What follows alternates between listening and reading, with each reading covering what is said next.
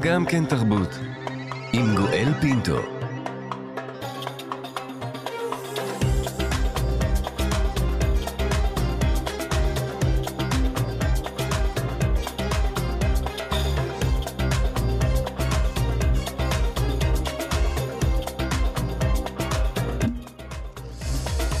שלום שלום אה, לכולכם. אנחנו כאן, גם כן תרבות, מגזין התרבות של ישראל, בשבוע ה-16 למלחמת אה, שבעה באוקטובר. מנסים להשיג נחמה, להתאחד, להרגיש יחד בימים הקשים שעוברים על כולנו. יותר מ-1,400 ישראלים, אזרחים וחיילים נרצחו, כ-240 נחטפו לעזה, אלפים נפצעו. אנחנו כאן. כאן תרבות. בשבט, ראש השנה לאילנות, יצוין הערב ומחר ברחבי הארץ. הוא לא ייראה כמו שום ט"ו בשבט בשנים קודמות. מלחמת אה, שבעה באוקטובר, מאות הנרצחים, מאות ההרוגים, הודעות ההותר לפרסום הארורות, מאות השבויים שעדיין כלואים בעזה, יצקו לחג הזה תכנים חדשים, העניקו לנו נקודת מבט חדשה על מקומנו בארץ הזאת. השבוע משפחות נרצחים מפסטיבל נובה הגיעו אל מקום הטבח. ושתלו בו עצי אקליפטוס, במטרה להקים שם יער, יער זיכרון. הנה דברים שאמרה יושבת ראש הקרן הקיימת לישראל, יפעת עובדיה לוסקי, בעת המעמד. הרעיון כאן של נטיעות הוא בעצם במקום שבו נגדעו חיים, שתהיה המשכיות של חיים, שתהיה פה צמיחה מחדש, שהמקום שניסו להפוך אותו לשחור יהיה, יחזור ויהיה ירוק. שתהיה המשכיות אה, של חיים, כך יושבת ראש הקרן הקיימת לישראל. ואכן, מעשה הנטייה בט"ו בשבט משלב בתוכו גם מצווה מקראית וגם מעשה ציוני. ועם הקמת המדינה, המלחמות הרבות, החללים הרבים, לנטיית העצים, פרחים, יש גם מעשה של זיכרון. מהי מהות ההנצחה בדבר חי לעומת הנצחה בדבר שאיננו חי? נברך לשלום את ראש מוסד הרצל לחקר הציונות באוניברסיטת חיפה, הפרופסור מעוז עזריהו. בוקר טוב לך. בוקר טוב. תודה רבה שאתה נמצא איתנו הבוקר. הציונות תמיד השתמשה בטבע כדי uh, להביע משהו, נכון? כן, זה כאילו מאוד ברור מאליו, אבל מאוד נכון גם, כי הציונות, מעבר להרבה דברים שהיא, זה חזרה ל... לארץ ולארץ, והארץ זה טבע, וזה נוף, וזה מקום, וכל הדברים האלה, והחזרה, השיבה הזאת, מייצרים את כל הקשר המיוחד שבין הציונות כתנועה של תחייה לאומית ובין תחיית הארץ. תחיית העם ותחיית הארץ, גם דרך עצים וייעור, הולכים כרוכים זה בזה. זה פנטסטי שאין כמו אדמה כדי לומר זה שלי. כן, טוב, אבל זה כמעט הייתי אומר טבע האדם, וזה מתחיל, להיות, זה מתחיל עם קין והרל, כן, mm. רואה הצאן שנע בכל מקום, כן, ועובד האדמה שהאדמה היא שלו. ומשם ועד אה, נדל"ן וכל הדברים האלה ועד מטרים מרובעים, כן, האדם נטוע במקומו, כן, השורשים כמו עץ, האדם נטוע במקום, mm-hmm. והסכסוכים האנושיים הרבה פעמים על המקום ושל מי, מה שייך למי וכמה. מי, ב, מי בציונות הבין שאנחנו צריכים לכבוש את הארץ, להפוך אותה לשלנו, דרך צמחייה, דרך נטיעת עצים? זה לא מסוג הדברים שישב איזה הוגה דעות והגה תוכנית או קונספירציה, אתם לא מסתכלים על זה. זה פשוט קרה, זה מסוג הדברים שהם כל כך כאילו מתבקשים מאליהם שהם פשוט קרו. אז יש לנו ט"ו בשבט, שהוא בעצם עניין תלמודי אפילו, כן, ועם שורשים מקריים והעץ, ומתחיל בשנות ה-80 של המאה ה-19 בנטיות. מתגבש אחר כך כחלק ממערכת החינוך הארץ-ישראלית בתקופת המנדט בצורה ממוסדת ומסודרת, כולל בתל אביב, גם בתל אביב נטעו ועדיין נוטעים עצים בט"ו בשבט בעיר, אבל כהנצחה או כשילוב של תחיית הארץ ותחיית, ותחיית העם וזיכרון, אנחנו מוצאים את זה מיד אחרי מותו של הרצל, הרעיון הזה של נטיית יערות הרצל בכל הארץ, וזה ממשיך הלאה. אחרי הקמת המדינה, כלומר בתקופת המנדט חד משמעית אנחנו מוצאים את יער בלפור ואת יער המלך ג'ורג', לכבודו של מלך בריטניה, הקיסר אם אתם רוצים קיסר הודו, וזה ככה נעשה בכל הארץ, נטייה של יערות, אבל זה על שם, זה כמו אנדרטה, mm-hmm. כלומר היער הוא עצמו יער, עצים, קבוצת עצים, אבל זה על שם, כמו יישוב, שזו גם הנצחה חיה, כן? על שם אנשים, כפר מסריק והרבה אחרים. ואנחנו, או הרצליה, ואנחנו מוצאים את זה אחרי הקמת המדינה, שאז זה הופך להיות, ההנצחה היא הנצחה של אה, נופלים באמצעות נטיית עצים ונטיית יערות. מה בין, בעיניך, בין אנדרטה חיה, כמו שהגדרת את זה, עצים הם חיים ולכן האנדרטה היא חיה, לבין אנדרטה מתה, קרי נגיד אבנים?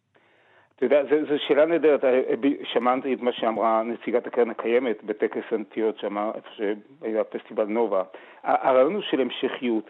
העץ שאתה נוטע, העץ שניטע, שניטע הוא לא רק הוא דבר קבוע כמו אנדרטה, ברגע שהיא נבנית, היא קיימת, היא נמצאת שם, היא תהיה לנצח אולי כי היא אבן, העץ הוא דבר חי במובן הזה שהוא גדל, הוא מתפתח, וזה הרעיון של ההמשכיות. זה לא דבר שהוא סטטי, אלא דבר דינמי, וזה הרעיון היפה הזה. במיוחד עם העצים, הם עצים דומים לבני אדם כמו ברושים, לכן חלק, הברושים הם חלק בלתי נפרד מתרבות בתי הקברות באירופה, וגם בארץ בהרבה מקומות, mm-hmm. כי הברוש הוא זקוף, הוא, הוא, הוא נראה כמו אדם, והגדילה שלו, הצמיחה שלו, זה המשכיות החיים. דרך אגב, זה רעיון שמובע אה, מוטבע ב-DNA הציוני, לאו דווקא על צמחייה, הרעיון הזה של חיים, זה ביאליק, כן? במותם ציוו לנו את החיים. Mm-hmm. והצמחייה היא ביטוי אולי המובהק ביותר שיש לדבר שהוא חי, צומח, הטבע ממשיך, זו ההמשכיות. וזה הדבר החזק, ואני חושב עם העוצמה הרבה שיש בזה. ולמה זה מפתיע אותי, ברשותך? כי אנחנו כאילו משחקים משחק אה, משני כיוונים שונים. מצד אחד אנחנו משתמשים בצמחייה ובעצים כדי להפוך לאנדרטאות אה, חיות עבור המתים, ומצד שני, בתי הקברות היהודים ריקים מעצים. אה, הבחנה נהדרת, תרשה לי. לקרוא לך מכתב שכתב ביאליק לחברה קדישא בתל אביב, מתברר שבשנת 27, אחרי מותו של המלחין יואל אנגל, ביקשה אלמנתו לנטוע שני, שתי עצים על קברו, וחברה קדישא סירבה. כתב ביאליק לחברה קדישא, זה מכתב, השנה היא 27, מבקש שיעשה חסד עם זכר המנוח, וירשו לאלמנה לשתול שני עצים על יד קברו, ואני עכשיו מצטט, ובאו, ביאליק, ובאו הציפורים ציפרין קדישין דמצפצפין לזמר ולנגן על קברו ולהנעים לו את שנתו הנצחית. והוא כותב להם, הוא מסביר להם כנראה, גם מה שהם לא יודעים, שנטיית עצים אין בה חלילה שום איסור כלשהו וכבר נהגו אבותינו בכל הדורות וכולי וכולי, רמז לתחיית המתים. זה הרעיון, העץ הצומח בהמשכיות, רמז לתחיית המתים, ההמשכיות שתהיה אחר כך. וזה ביאליק מ-27. כן, באירוניה, מכתב מלא אירוניה mm-hmm. לחברה קדישה בתל אביב, אנא הרשו לטוע עצים בבית הקברות. אבל זה לא הושרש. אתה מבין את השורשים היהודים שמבקשים שבתי הקברות שלנו לא יהיו עם צמחייה?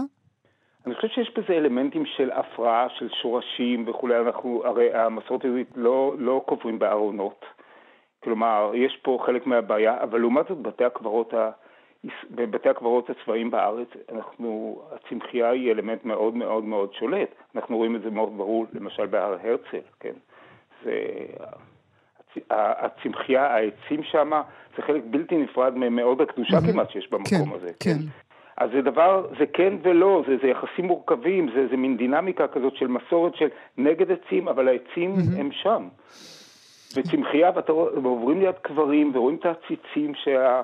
שהקרובים שמים, לא טורחים להשקות אותם, ויש בזה mm. גם משהו עצוב לפעמים, כן? אז קקטוסים, אבל אנשים טורחים ובונים גינות קטנות ליד קבר mm-hmm. יקיריהם, כן? למרות ה...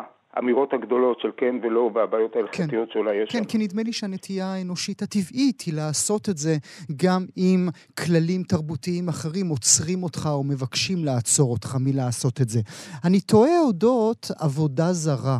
יכול להיות שאנחנו היהודים אה, פחות מתחברים אל זיכרון דרך, אה, דרך צמחייה, בגלל שבפולחנים קדומים היו, אה, היו אה, עובדים עצים? כן, חד משמעי, זה בתנ"ך יש לנו את הציוויים המאוד, יש לנו את התיאורים המאוד מאוד חיים, אני יכול לקרוא פה ממלכים, כן? ויצבו להם מצבות ועשירים על כל גבעה גבוהה ותחת כל עץ רענן, כן? הרעיון הזה של עץ, למשל, עשירה כעץ, לא כל כך ברור אם זה עץ שנוטים אותו, מתחת עץ, כך וכך, אבל העץ אלה, שאתה שומע את האלה, אל, מאחורה, mm, כן? Mm. את כל הפולחנים האלה. אבל לא רק אצלנו, גם אצל הקלטים והדרואידים באירופה, זה היה חלק בלתי נפרד מהפולחן של עצים. אה, יש בזה את האלמנט הזה. בן גוריון, שתמיד היה קצת אחר, כשמדובר אחרי הקמת המדינה על הנושא של הנצחת הנופלים, וזה הנושא מאוד מאוד על סדר היום הלאומי כמובן, הוא מדבר בפירוש על לא בעצים ואבנים נזכור את זכר הנופלים. הוא אמר זה כמה וכמה פעמים, הוא אמר זה כבר לקראת יום העצמאות הראשון ב-49, mm. תש"ט, כלומר הייתה לו אמירה. הוא רצה, זאת אומרת היה לו תפיסה שזה משהו קצת פגאני, כל המצבות וכל החורשות וכל העצים שניטעים בארץ לזכר הנופלים, הוא ביקש משהו אחר. הוא אפילו הקפיד עד כדי כך שהוא דיבר נגד אה, חוברות זיכרון, שזה היה כמובן משהו מאוד יהודי, עם הספר וכולי. כן. הוא רצה איזה... הנצחה שהיא הנצחה אמיתית, כלומר שהם יהיו בתודעה שלנו. הפתרון שהוא מצא בסוף הוא נמצא עבורו זה היה גבילי אש, שזה mm-hmm. הכינוס של mm-hmm. אה, אה, היצירה הספרותית, האמנותית של, של הנופלים, אבל התפיסה הזאת כן של הדבר, המשהו הפגאני הזה, כן הייתה מאוד, וכמובן בן גוריון הוא שביטא את זה. ובכל זאת, היום, אם אנחנו אי פעם אה, נלמד קצת יותר, נקרא קצת יותר, כמעט בכל מקום שבו נלך, אנחנו נמצא עץ לזכר מישהו או לזכר משהו. יש בזה, זה כמעט, זה מתבקש, הרעיון הזה, זה, זה, זה טבע, זה אסתטי, זה ההתחדשות, תחיית המתים מי שרוצה, mm. אה, אסתטיקה מסוג מאוד מסוים, כן, של, ובטח אנחנו חיים בתקופה של זה, זה, זה, זה לובש צורה ופושט צורה, עכשיו אנחנו עם כל המודעות לסביבה ונטיית העצים, חלק מה, מהעניין הזה של, אה, של מלחמה בהתחממות הגלובלית, זה תמיד יהיה איתנו, לא חשוב באיזו תפיסה, אם זו תפיסה רומנטית של המאה ה-19 או תפיסה סביבתית של תחילת האלף השלישי, העץ, החורשה, הירוק, חלק בלתי נפרד מהקיום שלנו וההמשכיות שלנו. איזה עץ היית רוצה שינטעו לזכרך? אני יותר נוטה לענייני, לאמירה התלמודית שחכמים, אה, אני לא מדבר על עצמי, אני מדבר על חכמים הם, חז"ל, כן? יצירתם היא זיכרונם. ואתה ישר, ואם כבר אתה אומר את הדברים הללו, כמו שהזכרתי בתחילת דבריי, אתה ראש, אתה עומד בראש מוסד הרצל לחקר הציונות באוניברסיטת חיפה. מה בעיניך מהות הציונות אחרי שבעה באוקטובר? עם חזר לארצו עם כל הקשיים בכך. והמילת המפתח אולי עם, כי אם אני חושב, זה דבר שהתברר לי בשבועיים האחרונים, זה דבר מובן מאליו, אבל לפעמים המובן מאליו לוקח להמון זמן. הרעיון הגדול של הרצל, כל הדיבורים, כל האוטופיות, הרעיון הגדול שלו היה, אנחנו עם. וזה המון מחויבות, על כל מה שזה אומר. אני לא מבין מה זה אומר. אני שומע את המילים ואני לא מבין מה זה אומר. זה אומר ש... שנדונו למה שקרה בשבעה לא, באוקטובר? לא, לא, לא, לא. שאנחנו עם. שאנחנו לא... אה, יש תפיסות יהודיות שלא מדברות על עם, peoplehood, או nation אפילו, mm-hmm. כן? יכול להיות שאנחנו עדה דתית, שאנחנו יכולים להיות בכל מקום, יכול להיות שאנחנו קבוצה שיש לה איזה ייעוד לתקן עולם מסוג מסוים, בתפיסה אחרת שהיא דתית, המובן של עם במובן דתי, אני אהיה לכם לאלוהים ואתם תהיו לי לעם. לא, הרצל בא ואומר, אנחנו עם. זה מין סולידריות בסיסית. של אנשים שיש להם היסטוריה משותפת, שהם יכולים להתווכח עליה עד מחר, ואולי גם ייעוד משותף, שבטח הם לא יודעים מהו, אבל התפיסה היא של סולידריות. סולידריות שקיימת מעבר לאי הסכמות, שזה הדבר הבסיסי. ושים עליך רגע את הצילינדר על הראש, מה הרצל היה אומר? הוא לא היה מבין עברית, הוא לא ידע עברית, אני חושב שהיה לו קשה מאוד להבין מה נאמר כאן, אבל הוא אמר את הדבר הגדול, אני לא יודע מה הוא אומר, קטונתי, קטונתי מלדעת מה הרצל היה אומר היום. הוא ראה בחזונו איזה מין אוטופיה אוסטרו-הונגרית הזאת של כל מיני עמים שחיים ביחד, אבל בשביל זה צריך איזה את הקיסר ירום. אין פה קיסר ירום יש פה קונפליקטים, ולהיות עם זו אחריות. שהיא אחריות היסטורית על כל מה שזה נאמר, על כל מה שזה מחייב אותנו, כן, קשה. נברך אותך. הפרופסור מעוז עזריהו, תודה רבה שהיית איתי הבוקר. תודה לך. אנחנו כאן.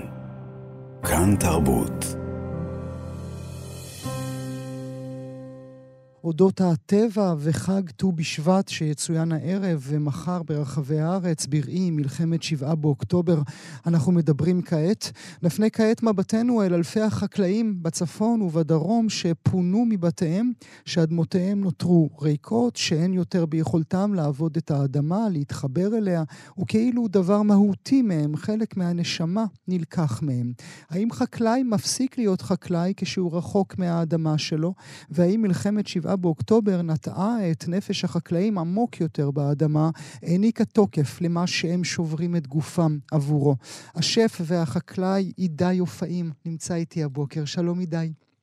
שלום, בוקר טוב. תודה רבה שאתה נמצא איתי. בשמחה. מה אתה אומר, חקלאי נשאר חקלאי כשהוא לא עובד את האדמה שלו? אה, תראה, החקלאי, אתה יודע, אנחנו מייחסים, ובעיקר כעת אה, בעקבות מאורעות המלחמה, לחקלאים הרבה תכונות, שהלוואי ולכולנו היו, אתה יודע. ט"ו בשבט, שלשמו התכנסנו, הוא חג האדמה, הטבע, העצים, אנחנו ערוכים בו. חקלאי לא יכול לעולם להפסיק להיות חקלאי, mm. גם אם הוא, אה, גם אם אה, לרגע, ואגב, רוב האדמות שלרגע נעצרו, אל רובן החקלאים כבר שבו, עושים זאת לפעמים בחירוף נפש, לפעמים אפילו, אה, אנחנו יודעים על לולנים בצפון שאיבדו את חייהם אפילו, אבל אתה לא יכול באמת לעזוב את האדמה. אבל אנחנו, אתה יודע, אנחנו עורכים עליה. כלומר, אה, אני חקלאי, אולי בני יהיה חקלאי, אה, או בתי יהיו חקלאים אחריי, אבל אה, לתקופה הזו שאני זוכה להתארח על האדמה הזו... היא לא, לא שלך אף פעם, זה מה שאתה אומר לי, עידי? כן, אתה יודע, גם כל העניין הזה של... אדם, הקשר בין אדם לאדמה הוא כמעט, הייתי אומר, הוא כמעט חד צדדי. היא לא צריכה אותנו. האדמה, אנחנו יודעים את זה, אתה יודע, בשנה שעברה הייתה שנת שמיטה. ומי ששומט באמת, מניח לשדה או לחלקה, וחוזר אליה כל כמה שבועות, או כל יום אפילו, mm-hmm. לראות.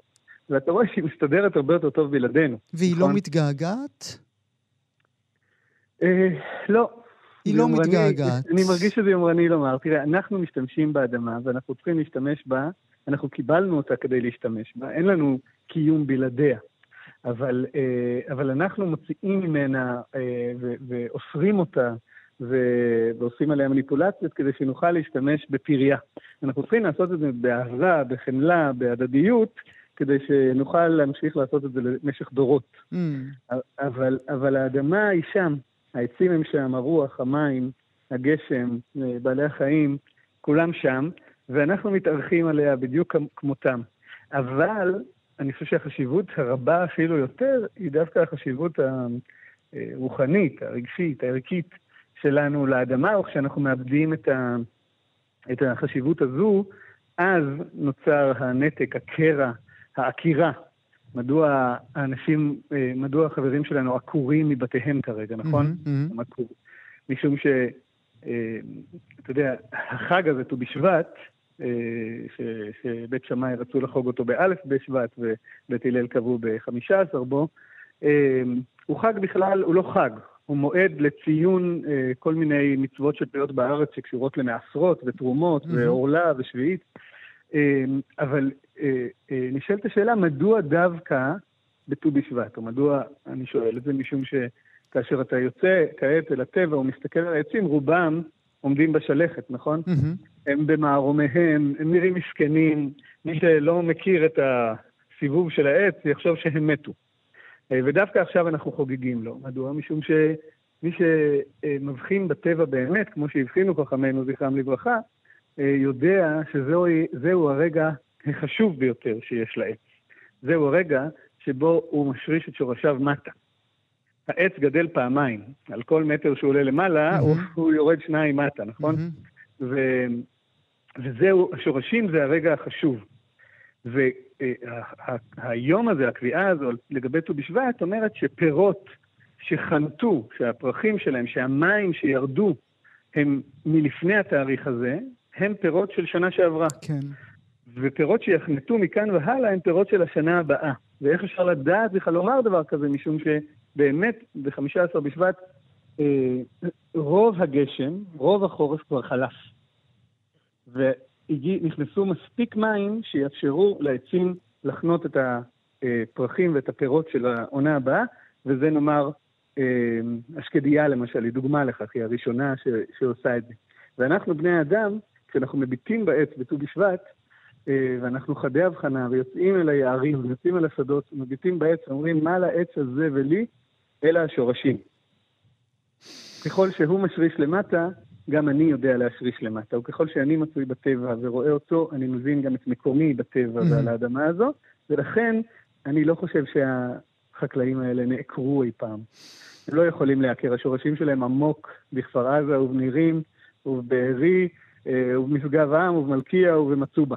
אי אפשר לעקור את השורשים. אפשר רגע להוריד את העלים, לצמצם רגע אה, צללית, לתת לטילים לחלוף, אבל השורשים נשארים באדמה.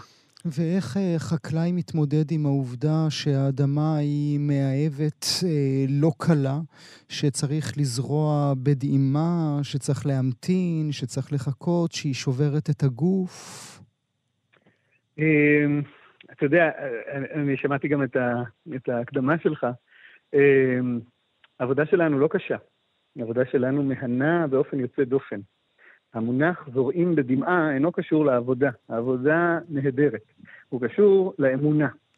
משום שכשאתה זורע זרע יחיד, בודד, יבש, באדמה, וחושב, בלי שיש לך ניסיון קודם, כי כל שנה היא אחרת, שמהזרע היבש והקטן הזה תעלה חיטה שתיתן לך לחם, כן? זה עניין של אמונה. אתה צריך להאמין, קודם כל, שאלכימית הדבר הזה בכלל יכול לקרות, ואתה צריך להאמין שהגשם ירד, ושלא תהיה ח... אה, קרה, ושלא יהיה שרב מוקדם מדי, וכן הלאה וכן הלאה, ולכן אה, זריעה היא פעולה של אמונה, וחקלאות היא פעולה של אמונה. עכשיו, אם אתה שואל אותי, עבודה קשה ואמונה הם שני הדברים הכי יפים בחיים, והכי נעימים בחיים. אז כשאתה יודע, פה בבית הזה שאני אה, מתגורר בו, במשק שלנו בעמק האלה, מגיעים הרבה פעמים לבקר אה, קבוצות וזה, והרבה מהם באים, אה, יוצאים אל הטבע. והם מגיעים עם חוזות ההייטק והפלורסנטים, כן? והלדים, סליחה. יש לי לד מעליי, אם אתה שואל. כן. והם אומרים, אה, איך אתה עובד פה קשה, נורא יפה פה, נורא זה, אבל בטח העבודה נורא קשה. ואני מחייך אה, אה, ליבי ואומר, אתם בעבודה הקשה, אני קם בבוקר ואני רואה צמיחה ולבלוב, ואני יודע שעתיד לבוא יותר טוב, תמיד, mm. תמיד חקלאי, תמיד היום הבא יותר טוב מקודמו.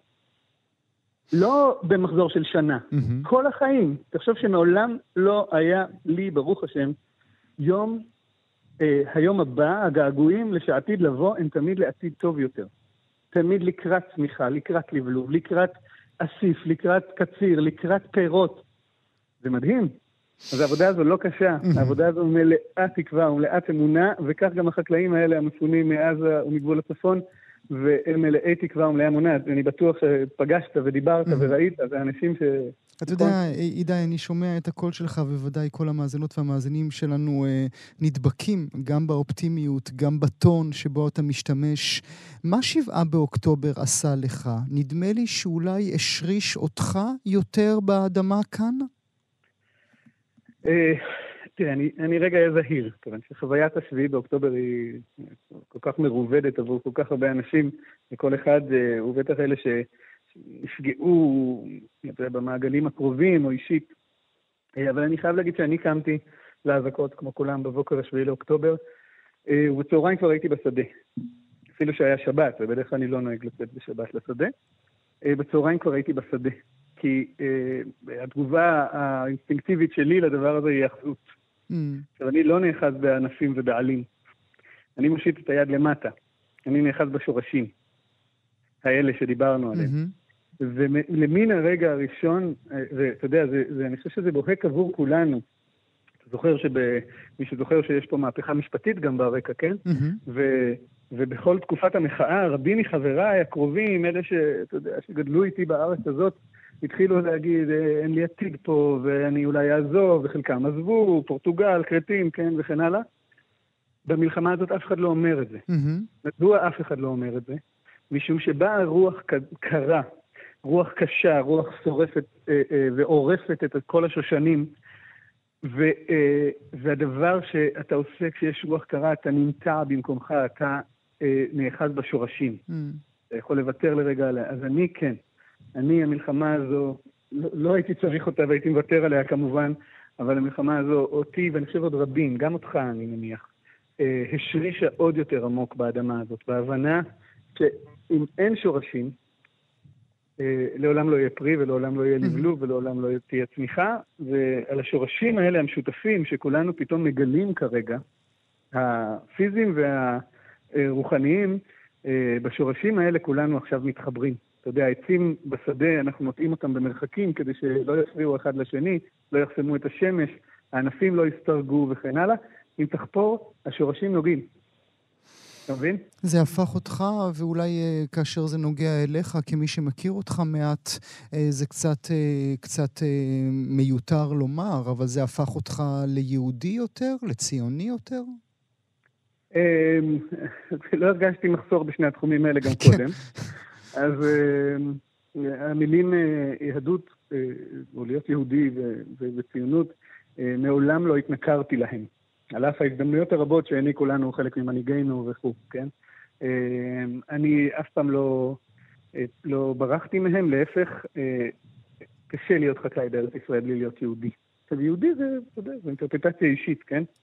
אבל אה, אנחנו, אתה יודע, אני, אני עומד, אני משוחח איתך ומביט מן החלון הגדול שבבית שלנו אל הבוסתן, ואני רואה את ההדרים שהעצים עמוסי פרי, ואני רואה גם את התאנים שהן אה, חשופות לגמרי. וכשאני מביט אל התאנה, מה אני, מה אני חושב? אני חושב שבעוד חודשים מעטים אני אראה את הקיץ. מה זה לארות את הקיץ? בעברית, לארות זה פעולת קטיף התאנים, mm-hmm. כמו שלמסוק זיתים או לגדוד תאנים, אה, לגדוד תמרים, וקיץ זה השם הקדום של התאנה, משום שהיו פוצצים בה לגרוגרות. לא משנה, להכין את הדבלים. יפה, יפה. אז, אז אני כבר רואה את הקיץ, ואילולא העברית, ואילולא השפה היהודית שלי, והשורשים היהודיים שלי, והשורשים הציוניים שלי, לא הייתי יודע לארות את הקיץ, ולא היה לי למה לחכות פה בארץ ישראל. אני שולח לך אהבה גדולה. אה, השף והחקלאי עידן יופאים, תודה רבה שהיית איתי הבוקר. ט"ו בשבט שמח. ט"ו בשבט שמח. אנחנו כאן. כאן תרבות. נעבור לנושא שבוודאי בימי שגרה, בזמנים שלא טובחים בנו, היינו פותחים, איתה, את היינו פותחים איתו את התוכנית. האקדמיה האמריקנית לקולנוע הכריזה אתמול על המועמדים לאוסקר בקטגוריות השונות. אופנהיימר של כריסטופר נולנד, אודות אה, אבי פצצת האטום, מוביל במספר המועדויות. אחר כך מסכנים שכאלה של יורגוס לנטימוס, שיעלה מחר לאקרנים בישראל. אחר כך רוצחי פרח הירח של מרטין סקורסזה, גם ברבי ברשימה. מי שמפתיע במיוחד זה אנטומיה של נפילה, הסרט הצרפתי של ז'סטין טחייה, שזכה בחמש מועמדויות, כולל הסרט הטוב ביותר. יש גם נקודה ישראלית, הבמאית טל קנטור זוכה במועמדות לאוסקר בקטגוריית סרט האנימציה הקצר על סרטה מכתב לחזיר, שעוסק גם הוא בזיכרונותיו של ניצול שואה. יש גם פרקי היסטוריה. לילי גלדסטון הופכת להיות האמריקנית הילידית הראשונה בהיסטוריה שזוכה למועמדות בקטגוריית השחקנית הראשית הטובה ביותר. לא רק זה, אלא שזו השנה הראשונה שבה יותר מסרט אחד שאינו דובר אנגלית, אלא שלושה מועמדים בקטגוריית הסרט הטוב ביותר של השנה, גם אזור העניין, גם אנטומיה של נפילה וגם חיים שלמים. מי שידבר איתנו על הטוב ועל הרע הוא מבקר הקולנוע של כלכליסט, יאיר רווה, שנמצא איתנו. שלום יאיר. שלום, שלום. תודה רבה שאתה נמצא איתנו הבוקר. איך אפשר להסתכל על השדידה לאור יום הזה, על השוד לאור יום הזה אה, של נשות, אה, של נשות ברבי? אמ, אתה קורא לזה שוד, אני קורא לזה צדק. אני, אני חושב שהסיפור שה, של אה, ברבי הרחיק לכת. אוקיי, אה, הגזמתם. כאילו, כן, כאילו, אולי הסרט החמוד של השנה, הלהיט אה, הגדול של השנה, בוודאי איזשהו סוג של המטאפורה התרבותית המעניינת של, של השנה. אבל uh, חוץ מ... באמת, חוץ ממועמדויות לתלבושות ותפאורה ומוזיקה והדברים האלה, אה, אני חושב שצריך לזכור ש, ש, שברבי הוא, הוא הפארק היורה mm. של השנה, הוא לא הרבה יותר מזה. אה, וכל ניסיון להפוך את זה למשהו אחר, הוא... אה, זה פשוט כי, פשוט כי זה היה סרט שרוב האנשים ראו, אז הם יכולים להתקומם נגד כל מועמדות שהוא לא קיבל. אבל, אבל למה אני בכל זאת, למה, למה אני בכל זאת אניח סימן שאלה ברשותך אה, ככה לרגליך? כי ברבי הוא לא באמת פארק היורה. כי השחקנים של פארק היורה אה, לא היו מועמדים אף פעם לאוסקר. לעומת זאת, ברבי עושים סרט על דמות נשית חזקה, עם במאית אישה, עם שחקנית ראשית אישה, ומי מועמד לאוסקר? הבן, השחקן. כן. זה, כן. אתה יודע, זה... כן. תראה, בפרס הסרט הטוב ביותר שהסרט מועמד לו? אז באמת היוצרות אה, אה, שותפות למעמדות. תראה, אני... מה, אה, ראיתי כותרת של באחד ה-Variety או The Rap או אחד מאלה של למה, למה גרטה גרוויג לא מועמדת לאוסקר mm-hmm. על הבימוי על הבימוי. והתשובה היא כי היא קיבלה פחות קולות מחמשת המועמדויות, כולל, כולל נשים שיש שם, שקיבלו יותר... אה, אה, יותר כולל נשים. הכוונה כמובן כן, לז'סטין טריה, שכן מועמדת לבימוי. ואם אני הייתי צריך לבחור בין, בין גרטה גרוויג, שאני מעריץ עצום של, הקולנוע שלה, אה, ובין ז'סטין טריה, שעשתה סרט פשוט פנומנלי, אז, אז צדק נעשה. היה פה הדבר הנכון. ואם... אה, ריין גוסלינג לא היה מועמד אה, לפרס הזה, היה מרגיש שהצדק נעשה יותר טוב, שכאילו שאף אחד לא מקבל את זה. אז אני, קשה לי עם ה... גם קשה לי עם זה ש, שברבי הפך להיות כזה מועמד אה, פיבוריטי mm-hmm. ב, בימים שעד גלובוס, אני חושב שגלובוס הזהב פחות או יותר חתם וסתם את הדבר הזה, הגיע הבפטה והעיף אותו לחלוטין כן. מהקטגוריות. ופה עדיין מועמד לסרט, אבל אמרו, כאילו, עד כאן. אוקיי, אה, אז... אז... בבימוי במשחק אה, בחוץ, אבל עדיין כי יש לו מועמדות אה, לאוסקר על תסריט, באופן משונה על תסריט מעובד. על תסריט מעובד, שזה עוד בדיחה מעובד, אחרת. שזה גם... אז, אז בואו נדבר באמת על ז'סטין טריה ועל הסרט המצוין שלה, אנטומיה של נפילה. למה זה מצחיק מאזינות ומאזינים? כי הוא סרט צרפתי. ובצרפת, בניגוד אלינו באופיר, יש ועדה. אנשים שתופסים עצמם חכמים, והם אלה שמחליטים איזה סרט לשלוח לאוסקר.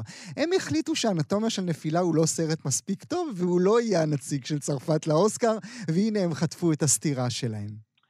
אז uh, אני רוצה להגן עליהם, על, ה, על הוועדה הזאת. Uh, לא, כי, כי כשזה פורסם שזה לא המועמד, לפני שראיתי את הסרט, אז, uh, אז אמרתי, יואו, איזה דפוקים, מה, כאילו, הם לא מבינים שיש להם ווינר ביד? אני חושב שהם הבינו שיש להם ווינר ביד.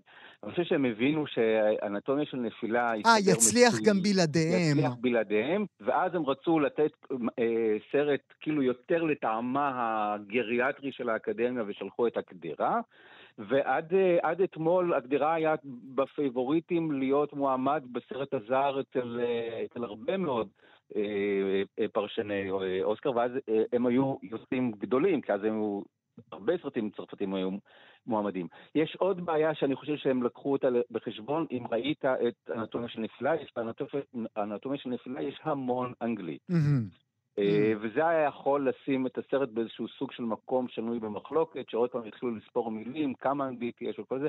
זה היה הופך את, אם הוא היה זוכה למועמדות לסרט הזר, זה היה, מישהו היה שם כזה מוחה נגד הדבר הזה. אז אני לא יודע כמה אנגלית יש שם, לא ספרתי, אבל, אבל אחת הסיבות שהסרט mm-hmm. הוא באמת הוא אה, אפקטיבי אצל הקהל הבינלאומי של, של, של, אה, של, של האוסקרים, זה שהוא מאוד נגיש. הוא סרט צרפתי נגיש, כי הוא לא רק בצרפתית, יש שם גם גרמנית, ויש שם גם אנגלית, והוא בסופו של דבר גם דרמת בית משפט וסרט... והוא באמת סרט, אה, הוא באמת סרט הוא מצוין. הוא באמת סרט מצוין, וואו. אני, אני רוצה שנדבר אה, בעוד רגע, ברשותך, על העובדה שכל כך הרבה אה, סרטים שאינם דוברי אנגלית נמצאים ברשימת הסרטים הטובים ביותר של השנה, אבל עוד לפני כן הנקודה הישראלית, כמו שאמרנו, מאזינות ומאזינים, הבמאית טל קנטור זוכה במועמד מועמדות לאוסקר בקטגוריית סרט האנימציה הקצר על הסרט של המכתב לחזיר. זה סרט שעוסק במידה רבה בזיכרונותיו של, של ניצול שואה. אנחנו שוחחנו עם אה, טל קנטו, ראיינו אותה כאן אה, בתוכנית. הנה דברים שהיא אמרה לנו. אני מאוד מאוד מתרגשת מה... המעמד המכובד mm. הזה, לא משהו שאפשר אה, לדמיין, בטח שלא עובדים חמש שנים על הסרט וקשה לראות בכלל לאן הוא יגיע, אבל זה מדהים ומרגש מאוד. והנה לאן הוא הגיע. שאלתי אותה גם באותה שיחה, איך העולם, אנחנו מילא הישראלים שומעים צפירה, אנחנו מבינים מה זה מדבר, איך העולם תופס את היצירה הזו שלה? הנה מה שהיא אמרה. מה, ש, מה שמדהים לגלות זה שהסרט פונה אה, בערוץ רגשי אה, עמוק, שהוא גם מעבר לניואנסים, אה, בוא נגיד, הלוקאליים שלנו. אה, ומצאתי את זה מאוד מרגש אה, ואפילו מפתיע שקהלים שונים מתחברים לזה מהמקומות האישיים שלהם, התרבותיים, ההיסטוריים שלהם, אה, בדיבור על, על, על אה, נרטיבים היסטוריים. אה, אה, סיפורים אה, שסבים מעבירים mm-hmm. מדור לדור. אה, זה משהו שיש אה, באופן אה, גלובלי ומוכר בהרבה מאוד ארצות ומקומות. אז זו טל קנטור, אודות סרטה. יאיר, מה הפעם האחרונה שזה קרה לישראל, שיוצר ישראלי היה מועמד לאוסקר, היה תומר שושן, נכון? עם עין לבנה. נכון. והיה את סקין של גיא נתיב, mm, שגם שזכה. זכה, וצריך לזכור, אם אנחנו רוצים נקודה ישראלית, שצוות האיפור של גולדה של גיא נתיב גם מועמד. אה, לאוסקר. אה, נכון, אה, ישראל לא מצליחה להשיג מועמדות לסרט הארוך הטוב ביותר, אבל בסרטים הקצרים, סרטי live action או סרטי אנימציה, ההצלחה יותר טובה. נזכיר לך שאיה היה מועמד כן. גם לפרס הסרט הקצר. כי זה לא מגיע דרך ועדה. כן. סרטים שמגיעים... שהוכיחו את עצמם בשטח, מפסטיבלים. בפסטיבלים, באמת, ומגיעים בסופו של דבר לממיינים של האוסקרים, ושם הגדולה שלהם אה, מתחברת מהר, זה באמת באמת סרט מצוין. הוא באמת סרט מצוין. לחזיר. לא ראיתי את המועמדים שמולו, כי הם בחרו סרטים יחסית אזוטריים שלא עשו הרבה אה, סיבובים, לפחות אני לא התקלתי בהם, אז אני לא יודע מה, מה הסיכויים שלו, אבל הוא באמת באמת סרט טוב, ואם הוא יזכה, יהיה, זה, זה לא אמור מאוד להפתיע אותנו, הוא באמת באמת סרט טוב. אז אנחנו נחזיק אה, לטל אה, אצבעות. בואו נדבר באמת על העובדה שכל כך הרבה סרטים אה, שאינם דוברי אנגלית מועמדים בפרס הסרט הטוב ביותר של השנה. כן. אפשר לקרוא לכותרת הזאת פרזיטים? הם אלה שפתחו את הדלת? אז לא, קודם כל היו סרטים לפני זה. פרזיטים זה פשוט פתח את הדלת לזכייה, אבל אני מזכיר שאלמודובר היה מועמד, והיו סרטים... אה, אה, אתה יודע, לינה ויורטמלר, היו, היו סרטים לא דוברי אנגלית שהיו מועמדים לפרס הסרט הטוב ביותר, אבל לא כזאת כמות. אני רוצה להזכיר לך, מעבר למה שהזכרת, הזכרת את, את אה, אזור העניין, שהוא סרט דובר פולנית וגרמנית, ואת, ואת חיים שלמים, שהוא סרט שהוא ברובו דובר קוריאנית, ואת הסרט הצרפתי, הנתונים של נפילה, אבל, אבל גם ברוצחי פרח הירח, של סקורסזי, יש לא מעט משפת האוסג' מהשפה הילידית האינדיאנית של, אה, של, של זה, זה לא רק, לא רק דובר אנגלית. אה, יש פה שני צדדים. אחד, אה, האקדמיה נהייתה מאוד מאוד מגוונת מבחינה בינלאומית, בכוונה הם עשו את זה בשנים האחרונות, יש כמעט עשרת אלפים מצביעים מרחבי העולם, אז אנגלית כבר היא פחות השפה הבינלאומית אה, לקולנוע, אנשים רואים את זה בכל העולם וכבר יודעים להתמודד עם כתוביות תרגום וזה יותר קל להם. והדבר השני, וזה משהו שאנחנו רואים הרבה בהוליווד כשזה מגיע לאוסקרים. שמצביעי האוסקר לא באמת מאוד מאוד אוהבים את הקולנוע האמריקאי. והם תמיד... אה, אז אולי שיעשו עבודה אחרת. כן, לא, אז הם אומרים, אנחנו טובים בלעשות כסף. אנחנו יודעים להביא את הברבי ולעשות את המיליארד וחצי דולר. אה, מיליארד וחצי אה, דולרים. אבל אם אנחנו רוצים באמת סרט שהוא יצירת מופת או משהו כזה, אז אנחנו צריכים לפנות או לסרטים שמגיעים מחו"ל, או ליוצרים מקומיים ש... שמביאים איזשהו סוג של רגישות בינלאומית. לצורך העניין, אה, הסרט מסכנים שכאלה, שאני מודה שאני לא ממעריציו, אבל הוא מאוד לא סרט אמריקאי, הוא דובר אנגלית עם שחקנים אמריקאים, אתה יודע, אמה סטון, מרק רפלו, מישהו שמגיע מהעולם הקולנועי של מארוול, אבל הסרט הוא מאוד של במאי יווני. ותסריטאי אוסטרלי וסופר סקוטי. הרגישות הקולנועית שבו היא מאוד של אירופה של, של שנות, ה, שנות ה-70. אז זה לא רק השפה, זה גם איזה סוג של קולנוע מופיע ב, ב, ב, ברשימה הזאת. ופה באמת אני חושב שמצביעים אה, למקום שבו האיכות פוגשת את, ה, את ההצלחה המסחרית. כרגע מסתמן שאופנהיימר הוא הדוגמה הכי טובה לזה, סרט mm. שהכניס כבר 800 מיליון דולר ברחבי העולם. וגם הוא חייב אבל... את זה לברבי. אה, לא יודע, אבל, אה, אבל כן, יכול, כן, היה פה, היה פה איזשהו סוג של סופה מושלמת אה, מסחרית בקיץ האחרון, שהפכה את, ה, את שני הסרטים האלה לאירועים דווקא אצל קהל צעיר, יש לומר, אבל, אבל זה סרט שמזכיר את הוליווד של הגדולה, פעם. של פעם, mm-hmm. ביוגרפיה קולנועית, עשייה עילאית של, של קולנוע, גם נגיש, גם מתוחכם, גם אה, אה, עוסק ב... ב, ב, ב ביחסים בין, בין בעל ואישה וגם עוסק ביחסים הגיאופוליטיים של, ה, של העולם אה, מול האפשרות להשמדתו. אה, יש פה, זה קצת באמת סרט של פעם, זה כל כך סרט של פעם שאני חושש שהוא גם עשוי להפסיד בסופו של דבר, אבל אני, אני בעדו. אז אולי מילה לסיום ההימור שלך, יאיר, כדי שאני אוכל להשמיע לך את זה בבוקר שאחרי? אז אוקיי, אז תראה, אני חושב שכרגע אופנהיימר הוא, הוא, הוא, הוא, הוא אה, מוכיח את זה שהוא מאוד חזק, ראינו את זה בכל הדרך עד למועמדויות אתמול, גם בגלובוס הזהב וגם אה, המועמדויות בבפטה ובגילדות למיניהם ש, שיחלקו בקרוב את הפרסים שלהם. אבל אני רוצה שנשים טוב לב למסכנים שכאלה.